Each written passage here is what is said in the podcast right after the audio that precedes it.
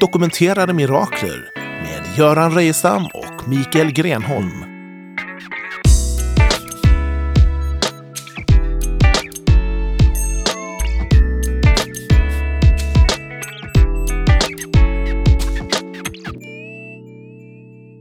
Välkommen till ännu ett avsnitt av Dokumenterade mirakler med mig Göran Reichstam som intervjuar Mikael Grenholm. Välkommen hit Mikael! Tack så mycket! Eh, idag ska det bli väldigt spännande för idag ska vi intervjua en person som är professionell fotbollsspelare och som har ett fantastiskt eh, vittnesmål om hur han själv blev helad efter en fotbollsskada som eh, var eh, permanent och eh, enligt läkares utlåtande obotlig, eller hur?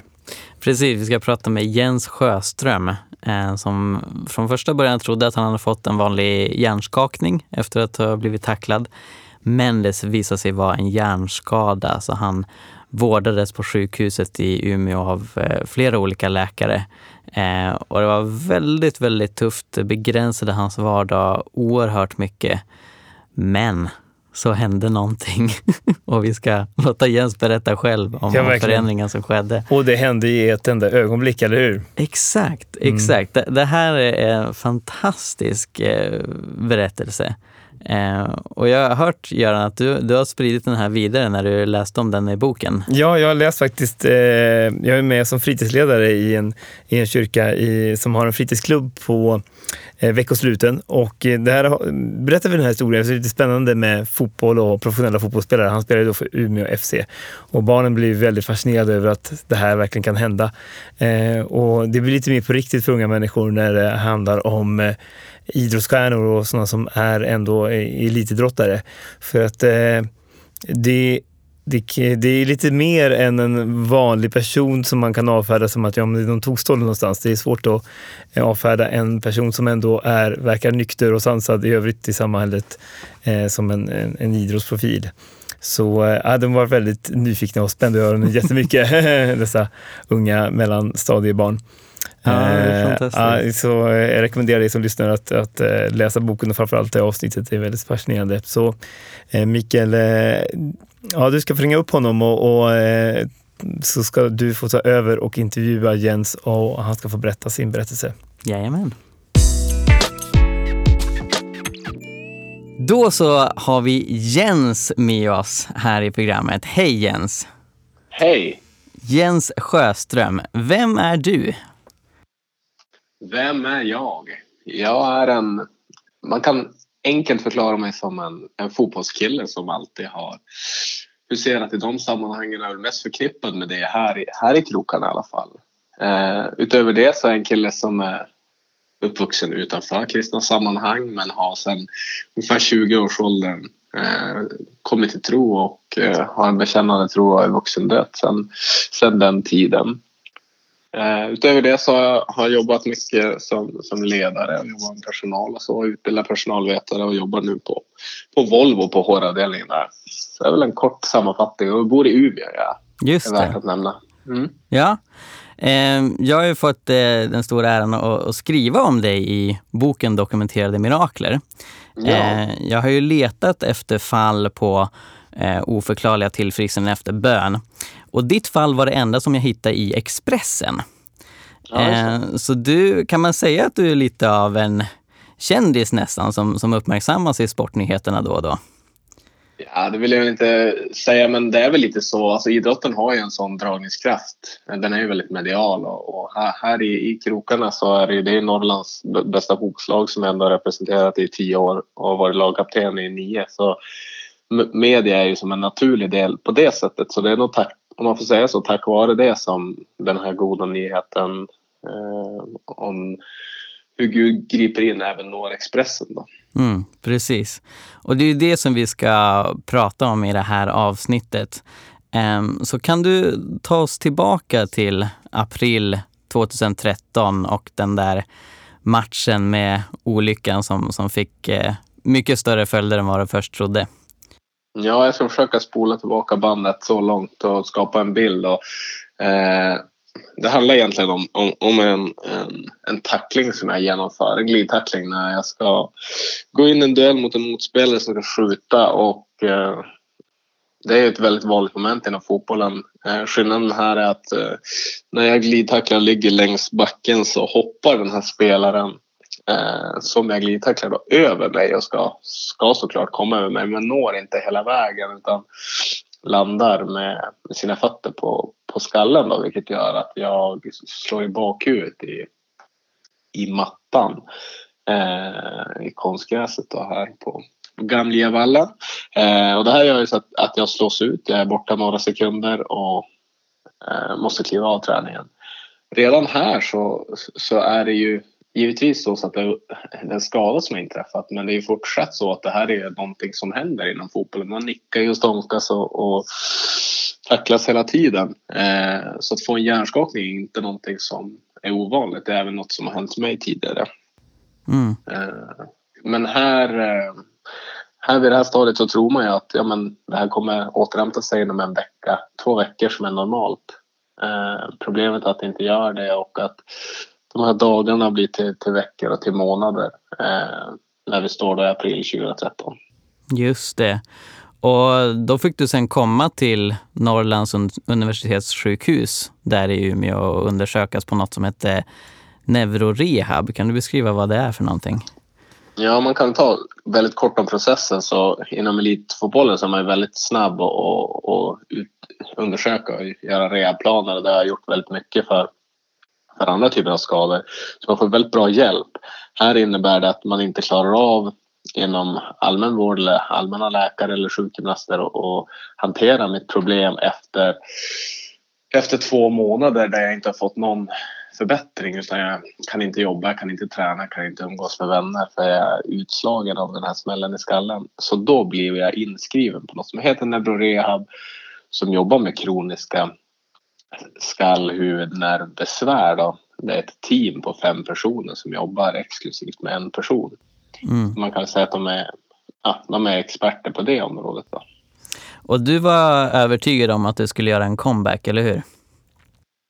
Ja, som jag sa tidigare så är det Alltså när du jobbar med fotbollen på det sättet och eh, eh en lagkapten är van att stå först i ledet och bara se möjligheter att pusha laget och sig själv framåt och man har lyckats ta sig tillbaka från tuffa skador tidigare så finns det ingen annan väg än att jag ska tillbaka på planen och när jag kommer till neurorehab så känns det jätteprofessionellt vid första anblick att jag har fem personer som bara jobbar med mig. Vid andra anblick så inser man ju att det är ganska allvarligt om det är så att man får så många personer dedikerade till sig inom vården. Men jag sa så. Jag sa att jag frågade vem har haft en sån här skada tidigare? Vad var rekordet som den tog sig tillbaka frisk? Eh, och jag ska slå det.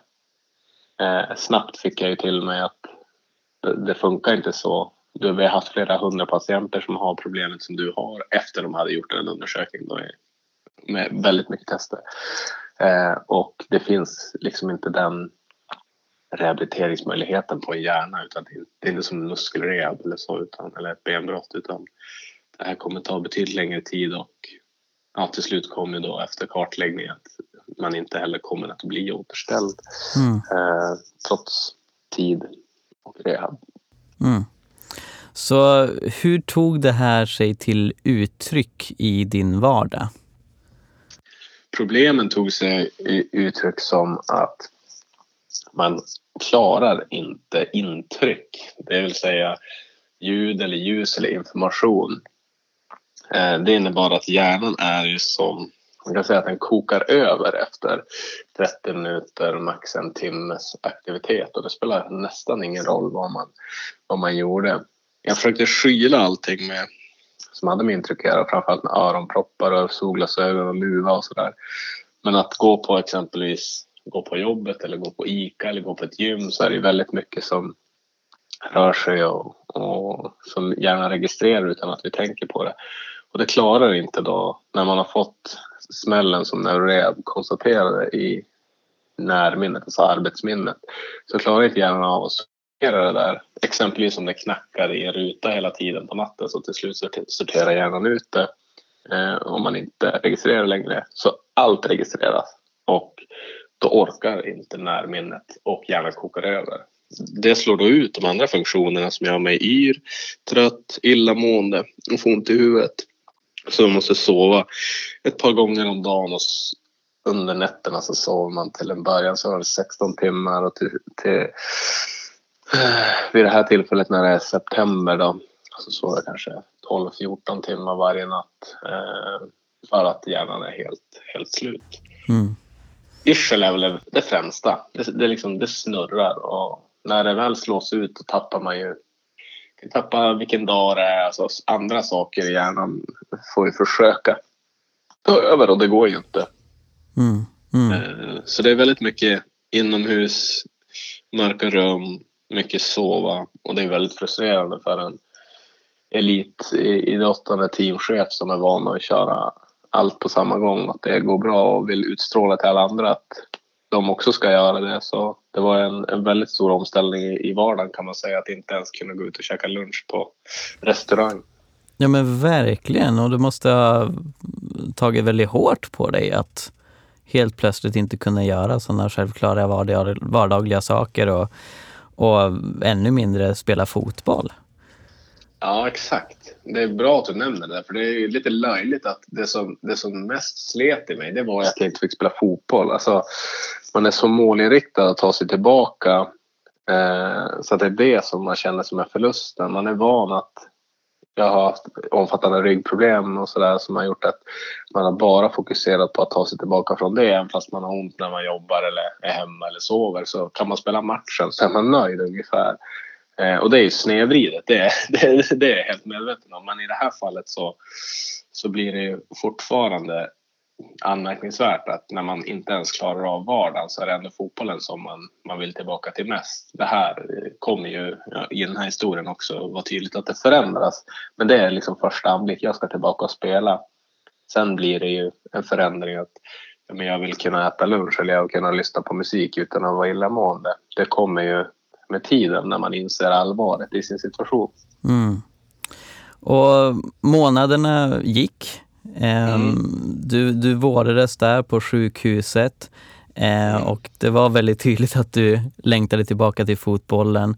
Ehm, så som jag förstår det så, så fick du genom någon form av kompromiss att åtminstone vara tränare åt damlaget i, i Umeå. Ja, du har förstått det rätt. Ja. För att du har förstått det rätt. Mm. De, de eh, läkarna som jag förstått det försökte bromsa dig lite grann. Du var ju en fighter och är en fighter. Eh, och liksom betona att nu behöver vi ta det lugnt här. Du fick träna på damlaget och det var ju i det sammanhanget som helandet skedde. Kan du beskriva den där dagen i februari 2014? När allt plötsligt förändrades. Absolut. Nej, men du, först har du helt rätt. För att behålla drivkrafter och de vill givetvis i sin profession i damallsvenskan också ta, ta nytta av, av, av det. Så därför eh, fick jag trots eh, begränsande omständigheter eh, köra eh, vara assisterande tränare i damlaget i Umeå. Det stämmer. Eh, och vår första match, eh, träningsmatch på, på våren där då 2014 var i Luleå. Eh, så på vägen dit, det var söndag 9 februari, eh, så får jag ett sms av en tjej. Eh, och det är då första smset på den.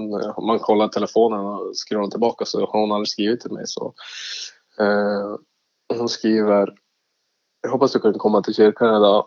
För idag är det din dag. Du ska bli kvitt dina besvär i huvudet. Vi ska be för dig i Jesu namn. Eh, och det är en jättefin eh, tanke och en jättefin text till vem som helst oavsett om man är troende eller inte.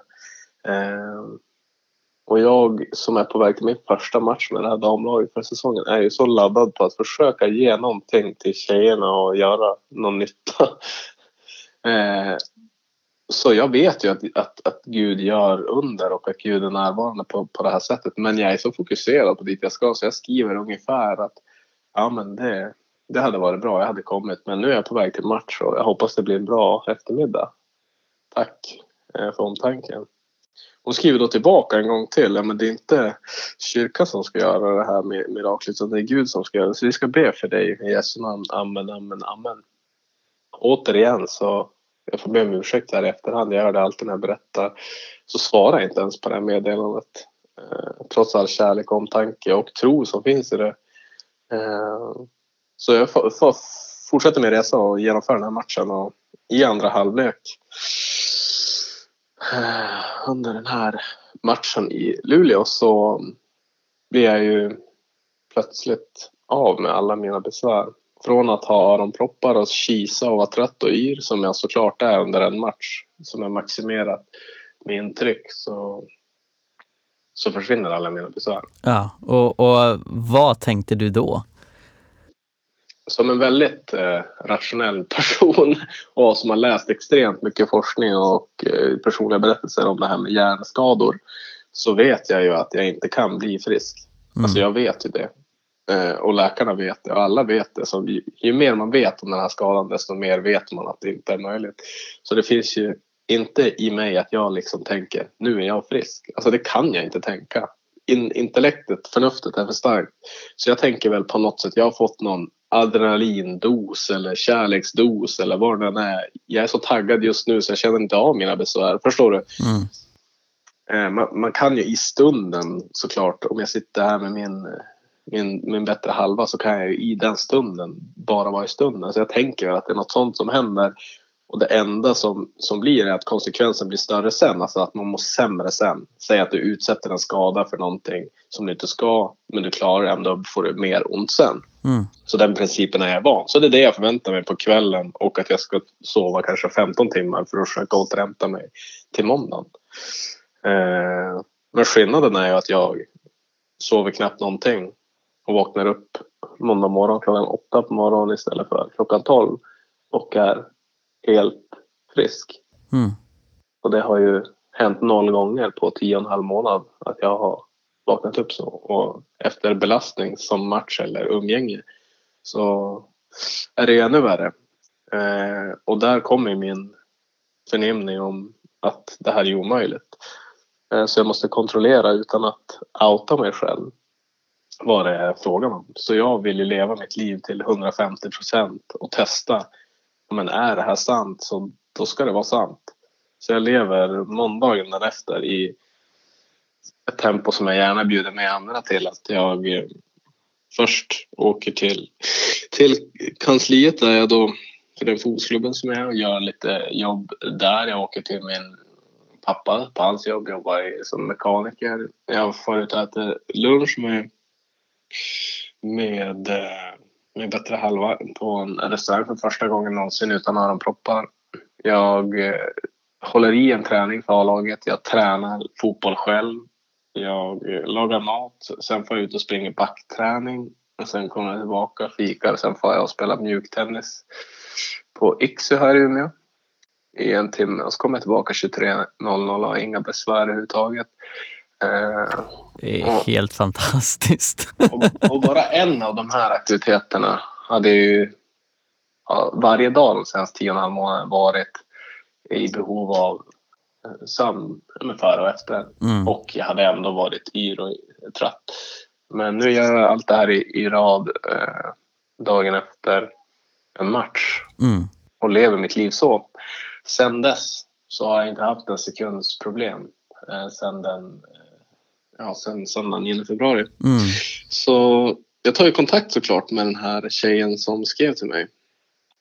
Eh, och eh, hon, hon berättar ju att, eh, och jag fortfarande outar jag ingenting utan jag, jag vill att det ska vara Förstå mig rätt, jag vill att det ska vara, det ska inte vara hallelujah moment innan det är ett hallelujah moment. Mm. Jag gillar inte det liksom, mm. när man skapar för mycket än vad det är. För sanningen och Gud är så stor i sig så han behöver bara få exakt det som är sant.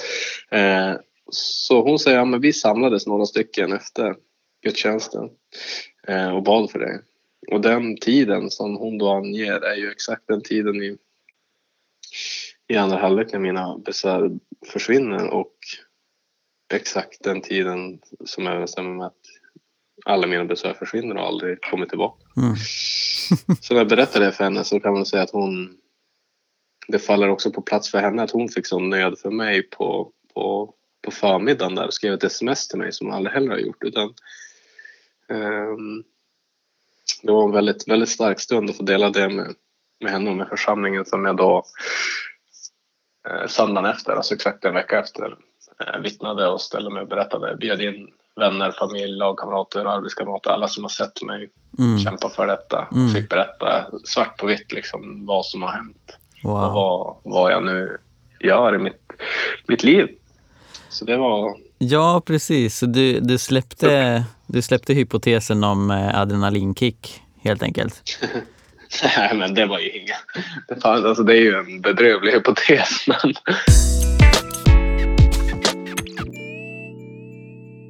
Så då började du inse att det var Gud som hade rört vid dig. Och vad var din tanke kring det?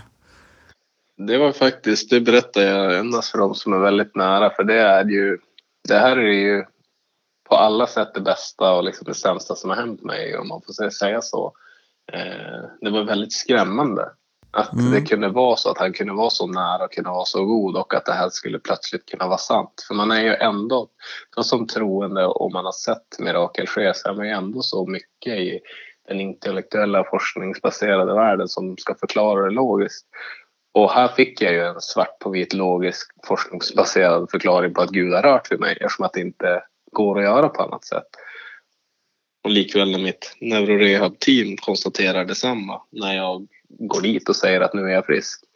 Att de säger att det inte går. Och jag säger Mm. jag vet. Eh, och sen berättar jag bara, bara vad jag gjort en dag och det räcker för dem. Eh, eftersom att som sagt ju mer man vet om den här skadan desto mer vet man vad som är möjligt och omöjligt. Man kan inte ens bli 50% frisk på ett halvår så att kan du bli 100% frisk från en sekund till en annan? Men det säger som sig själv att det inte går och att de inte ofta kan jag tänka mig de skriver in i läkarjournalen att en patient är utan besvär på grund av eh, kamraternas förbön. Det tror jag inte tillhör liksom deras standardutbildning. Eh, så det är säkert väldigt speciellt för dem också. Eh, men, men Ja, och det, och det är det de, de har gjort i ditt fall helt enkelt. Jag har ju fått eh, ta en titt på dina journaler. Och, och det är precis det som står. Och som du säger, det är kanske inte vad de fick lära sig på läkarutbildningen. Eh, men vad annars ska man säga när ett tillfrisknande som inte kan ske plötsligt sker och det händer samtidigt som människor ber för dig? Nej, precis. Det blir ju alltså rent om man, om man inte är troende och bara sätter förutsättningarna, man skriver på ett papper och gör en tidslinje och säger problemen före, problemen efter, vad som sker vid viss tidpunkt, då blir det ganska tydligt för vem som helst vad det är som har skett om man vet omfattningen av en sån här typ av skada. Eh, det spelar, det, det, det, det spelar som ingen roll hur jag berättar historien. Jag berättar den ofta för vänner eller bekanta bara förutsättningslöst. Och sen så säger det sig själv oftast vad som, vad som har skett. Ehm, men som svar lite grann på din fråga, liksom hur, hur det kändes. Ja, men jag, jag grät på något sätt nästan oavbrutet den här veckan. Jag var så otroligt, alltså min, får man säga så, min själ skakade på något sätt av både tacksamhet, rädsla, glädje och vad innebär det här? Eh, det var nästan så att man, när jag testade mig själv, att det skulle vara enklare om besvären kom tillbaka. För då skulle jag i alla fall veta. Här var någonting som jag inte riktigt visste, även fast jag visste. Eh, så det var en väldigt, väldigt eh, speciell, speciell tid att, att få berätta för människor vad som, vad som har hänt och dela den glädjen med, med alla i min närhet. Ja, verkligen. Och vad var människors reaktioner till det här? Eh, allas människors reaktioner var ju såklart en total glädje. Eh, Du kan tänka dig om jag bara samlade alla. Ja, det var ungefär 30 personer som kunde komma med två dagars varsel till kyrkan. Och det var väl två av dem som var troende ungefär. Eh, Mm. Och alla sitter ju, alla, jag ska säga, 90 procent av dem sitter ju och gråter såklart. De har ju sett kampen, de har sett omöjligheten och få se, få se så konkret ett tillfrisknande och många nämner det fortfarande. Det är ju många år sedan men den stunden kommer de nog aldrig att glömma. Hur, hur nära och hur verklig liksom, Guds kärlek var i den stunden när jag fick berätta också. Ja, Ehm, Så att alla är jätteglada såklart att, att jag får blivit släppt fri. Ehm, Och sen är det ju också någonting som de får bära med sig, ett hopp. Eh, och bygga på, på en tro om att han, att han är nära oss, att han inte är liksom ett moln på, på väldigt långt avstånd utan att han, han hör bön och han, han vill hjälpa oss i, i våran vardag. Mm, verkligen. Och eh, en till fråga. Har det här påverkat din gudsrelation också? Finns det liksom ett före och efter hela den här historien? Ja, självklart har det påverkat den. Eh, däremot så är det viktigt att poängtera att under den här tiden som jag var dålig så var det inte så, så att min relation med Gud var sämre, att jag anklagade honom för att jag hade skadat mig utan det var mer människors gärningar och ja, men jag valde att glidtackla, han valde att hoppa och det får konsekvenser. Eh, så den har, har alltid varit nära och Eh, har den förblivit givetvis. Sen att jag får, får berätta om det här och få vara ett så offentligt eh, vittne som man ändå blir genom fotbollen och media och så, eh, så gör det mig ju, gör det mig ju eh, närmare honom på det sättet att jag ofta berättar om honom. Och, men det har jag även gjort eh, innan. Eh, så det finns inget eh, konkret före och efter för mig. Däremot kan det finnas för dem eh, runt omkring mig som får se att jag är och, och berättar om, om, om Jesus och vad han har gjort både för mig och för andra eh, mer frekvent. Då. Eh, Mm. Men min, min relation med, med honom har varit ganska lik eh, med tanke på att den bröt igenom min otroende vardag när jag var 20 år med alla mina fördomar jag hade om kyrkan och tro och tog plats i mitt hjärta därefter vilket också det eh, är ett, ja, det är inget mirakel men det är klart anmärkningsvärt hur, hur han kan frälsa en, en 20-årig sportnörd som en snorunge och inte behöver någonting och är top of the world. Eh, Men nu ska jag säga ett rätt, rättvist svar. Mm. Mm. Mm.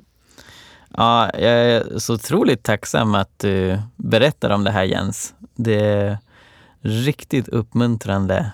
Eh, och dels då att situationen var så svår och så helt plötsligt så bryter helandet igenom vid samma tillfälle som när människor ber för dig långt borta.